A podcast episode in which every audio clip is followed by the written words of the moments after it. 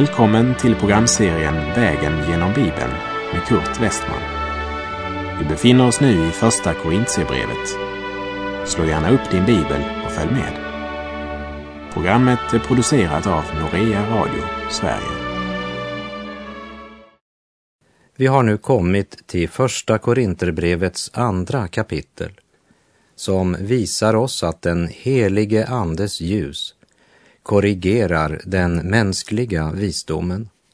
Första Korinthierbrevet 2, vers 1. När jag kom till er bröder var det inte med stor vältalighet eller hög visdom som jag predikade Guds hemlighet för er. Paulus var inte en predikant som använde en massa bilder i sin predikan.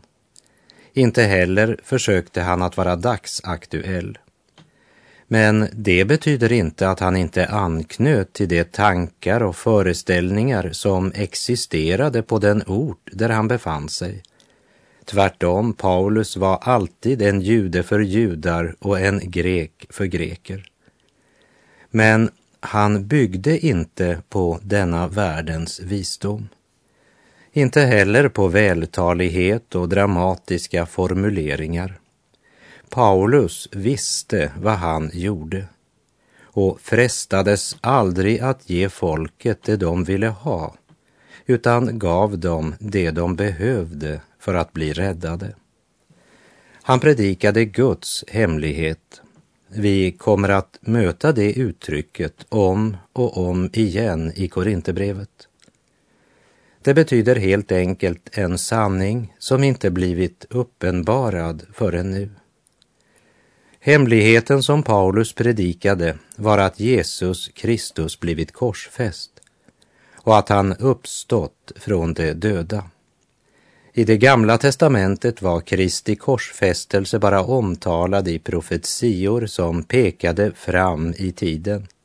Men nu hade det hänt nu var det ingen hemlighet längre. Men han predikar inte denna hemlighet med hjälp av vältalighet eller mänsklig visdom. Vers 2. Jag hade nämligen bestämt mig för, när jag var hos er, att inte veta av något annat än Jesus Kristus och honom som korsfäst. Paulus gick inte in i filosofiska diskussioner som skapade splittring. Han höll sig helt enkelt till korsets predikan. Han förkunnade en korsfäst frälsare, en som dog för världens synder. Och det är den förkunnelse som vi så desperat behöver också idag. Vers 3. Svag, rädd och mycket mycket orolig kom jag till er. Paulus låter oss se in i hans innersta tankar. Och han gör det klart att han hade stora problem medan han arbetade i Korint. Trots Paulus intellekt och hans gedigna utbildning så bygger han inte sin tjänst på det. Han var inte självsäker men svag, rädd och mycket orolig. Men han visste att Guds kraft var verksam. Men den kraften fick inte Paulus att känna sig överlägsen.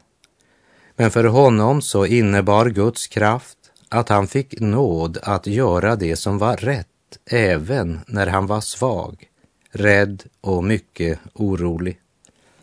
Vi läser vers 4 och 5. Och mitt tal och min predikan bestod inte i ord som skulle övertyga genom mänsklig visdom, utan genom en bevisning i ande och kraft. Vi ville inte att er tro skulle bygga på människors visdom, utan på Guds kraft. Idag översvämmas vi av ord som är fulla av mänsklig visdom. Det är en enorm verksamhet, mycket predikande, men lite av den förkunnelse som är en bevisning i ande och kraft. Han pekar tillbaka på den tid då han verkade i Korint och påminner dem om något som de uppenbart måste ha haft ett mycket klart och levande intryck av när Paulus varit där.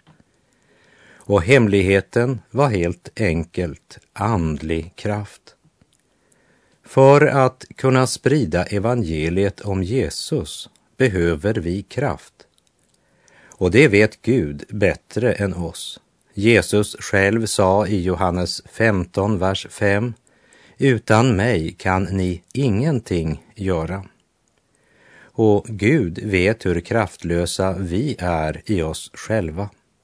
Gud vet att vi saknar kraft och han vet att om vi ska kunna utföra orden han givit oss så behöver vi hans kraft.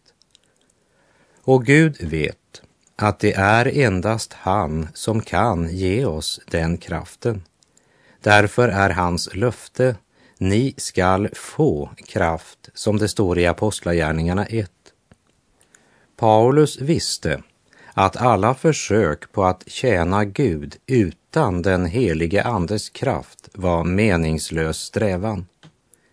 Budskapet Paulus predikade i Korint hade varit buret av en övernaturlig kraft och temat hade varit Kristus och honom som korsfäst.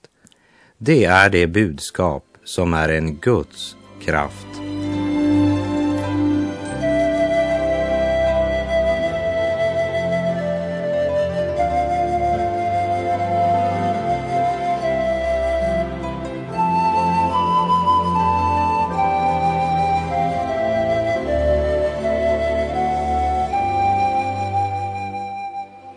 Första Korinterbrevet kapitel 2, verserna 6 och 7.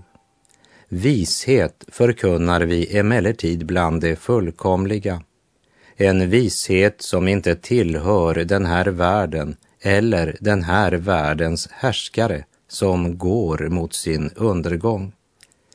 Nej, vi förkunnar Guds hemliga vishet, den vishet som är fördold och som Gud från evighet har bestämt att bli till härlighet för oss.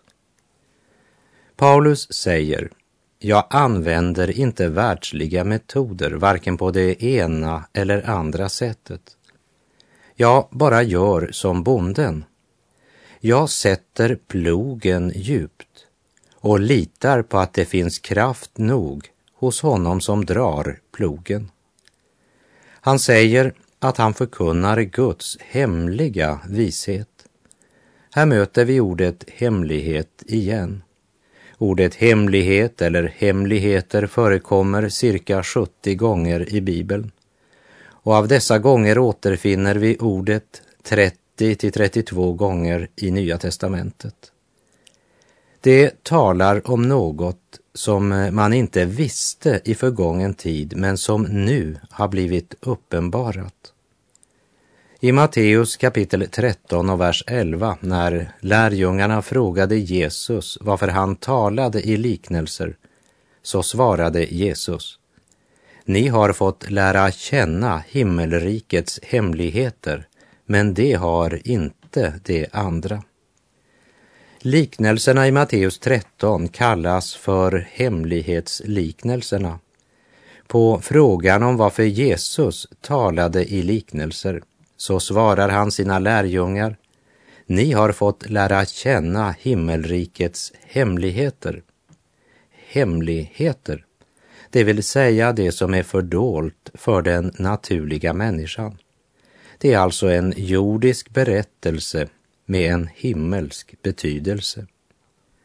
Liknelserna kallas hemliga eller fördolda därför att i de här liknelserna förklarar Jesus vilken väg hans rike går och vad som ska ske från den tid då han förkastas av sitt folk och till den dag då han kommer åter för att återupprätta sitt rike. Den delen av historien var tydligen inte alls uppenbarad i det gamla testamentet. Det hade Gud ännu inte uppenbarat för människan. Så när Jesus berättar liknelserna i Matteus 13 så är det första gången han uppenbarar detta. Det som tidigare hade varit fördolt uppenbarade Jesus. Nu talar Paulus här i Korinterbrevet om Guds hemliga vishet. Den vishet som är fördold. Jesus hade talat i liknelser därför att det inte var givet den stora massan att förstå himmelrikets hemligheter. Så Paulus talar alltså om det som inte kan förstås med hjälp av mänsklig forskning och spekulation, men som nu blivit känt därför att Gud har uppenbarat det. I Nya testamentet pekar hemlighet alltid på något som inte kan gripas med hjälp av intellekt eller mänsklig strävan, men som är uppenbarat så att vårt förstånd kan gripa det. Första Korinthierbrevet 2, vers 8. Denna vishet har ingen av den här världens härskare känt. Om de hade känt den skulle de inte ha korsfäst härlighetens Herre världens härskare, det vill säga de som representerar världsrikena, de osynliga makterna, de gudsfientliga tidsandan. Och de kände inte Guds hemliga vishet, för hade de gjort det så hade de aldrig korsfäst Jesus. För det var ju just denna korsfästelse som medförde dessa världsmakters slutliga förintelse. Vers 9. Men vi känner som skriften säger vad ögat inte har sett och örat inte hört och människohjärtat inte kunnat ana vad Gud har berett åt dem som älskar honom. Denna vers har verkligen blivit missförstådd och hamnat på begravning mer än en gång. Och så har man kanske sagt att ja, här vilar herr X. I detta livet förstod han inte så mycket, men nu är han i härligheten och kan förstå allt. Det är inte det Paulus siktar till i den här versen. Utan Paulus säger att här och nu så finns det saker som vårt öga inte har sett. Vi får mycket information genom våra ögon, ja, faktiskt mer än genom våra övriga sinnen. Den andra kanalen vi får mycket information genom är örat. Vi lär verkligen genom att höra. Men Paulus säger att det finns sådant som vi inte kan lära genom att höra. Och så fortsätter han. Och som människohjärtat inte kunnat ana. Det vill säga, man kan inte ana eller förstå det genom att begrunda och fundera eller försöka dra förnuftiga slutsatser. Du kan inte finna Gud genom intellektuell forskning. För det som Gud har berett för dem som älskar honom har inte kommit varken genom ögat eller örat eller genom förnuftet. Men hur ska man då få tag i det? Vers 10. Ty för oss har Gud uppenbarat det genom sin ande. Anden utforskar allt, också djupen i Gud. Det som inte kan tas in genom de dörrar som heter öga och öra, det kan Guds ande lära oss. Det är mycket vi kan lära genom att studera Bibeln. Vi kan lära dess historia, dess poesi och så vidare. Men man kan ha en stor teoretisk kunskap om Bibeln utan att gripa dess andliga sanningar. Hur kan det vara?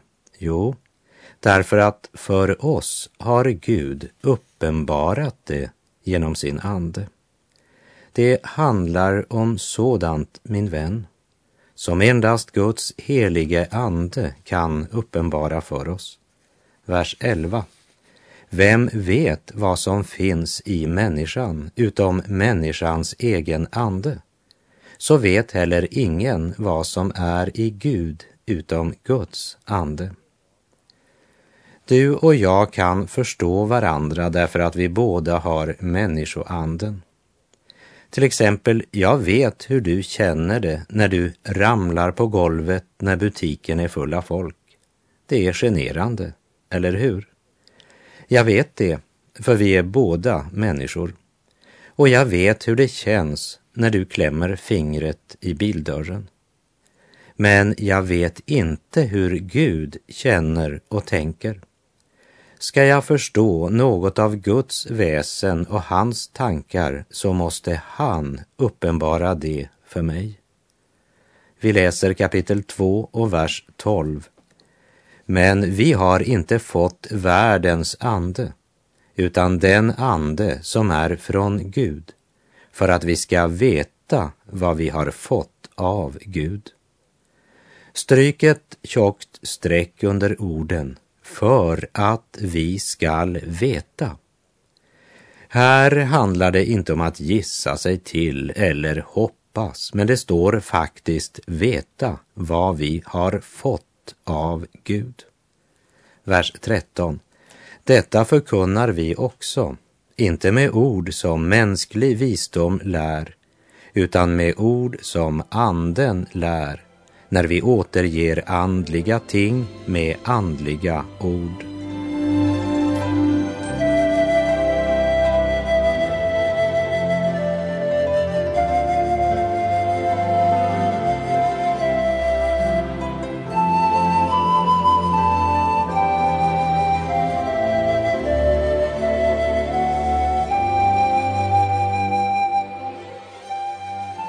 Vi som är trons barn har fått Guds ande för att vi ska veta vad vi har fått av Gud. Och det som vi fått av Gud förkunnar vi med det ord som anden lärt oss, säger Paulus. Och så kommer han med ett mycket djupgående uttalande som är en av de axlar på vilka hela skriften vilar. Första Korinterbrevet 2, vers 14. En oandlig människa tar inte emot det som tillhör Guds ande. Det är dårskap för henne och hon kan inte förstå det eftersom det måste bedömas på ett andligt sätt. Den andliga människan däremot bedömer allt, men själv kan hon inte bedömas av någon. Människan kan inte av naturen ta emot eller förstå det som är av Gud. För den som står utanför har ingen del i de andliga verkligheter som vi äger när Guds ande bor i vårt hjärta och kan därför inte förstå det utan uppfattar det kristna vittnesbördet som en dårskap. Nej, Ingen av oss kan förstå Guds ord förrän Guds ande öppnar mitt hjärta och mitt förstånd så att mitt stolta hjärta kan böja sig för Gud. Det är bara Guds helige ande som kan ta det som tillhör Kristus och ge det till mig så att jag kan förstå Guds hemlighet. Jesus säger till sina lärjungar i Johannes 16, vers 13 och 14. Men när han kommer, sanningens ande, då ska han föra er in i hela sanningen. Ty han ska inte tala av sig själv, utan allt det han hör skall han tala, och han skall förkunna för er vad som kommer att ske. Han ska förhärliga mig, ty av det som är mitt ska han ta och förkunna för er. Om inte Guds helige ande får uppenbara ordet för dig, så blir vår vandring genom Korinterbrevet ganska meningslös. Men den andliga människan däremot bedömer allt, men själv kan hon inte bedömas av någon. Tänk dig att du möter en som är född färgblind så att allt han ser är grått i olika nyanser. Han har aldrig sett något annat än grått i hela sitt liv. Kan du för honom förklara hur färgen röd ser ut? En oandlig människa tar inte emot det som tillhör Guds ande. Det är en dårskap för henne och hon kan inte förstå det eftersom det måste bedömas på ett andligt sätt. Det måste ske ett under. Människan måste födas på nytt.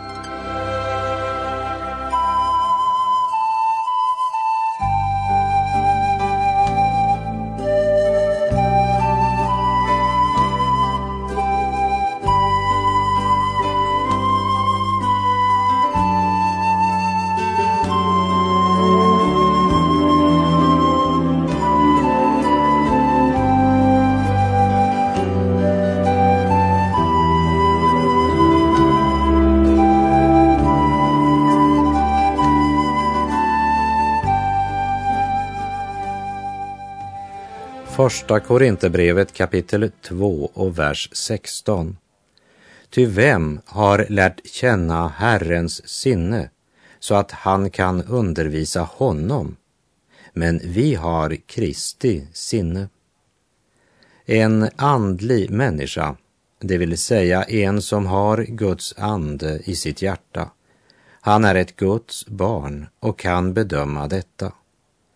Men vem har lärt känna Herrens sinne så att han kan undervisa honom? Nej, sett från den sidan har vi ingenting att säga Gud. Men han kan uppenbara en hel del för oss. Men Guds ande kan inte uppenbara förrän vi har fått Kristi sinne. Det vill säga förrän vi ger Gud rätt och böjer oss för honom.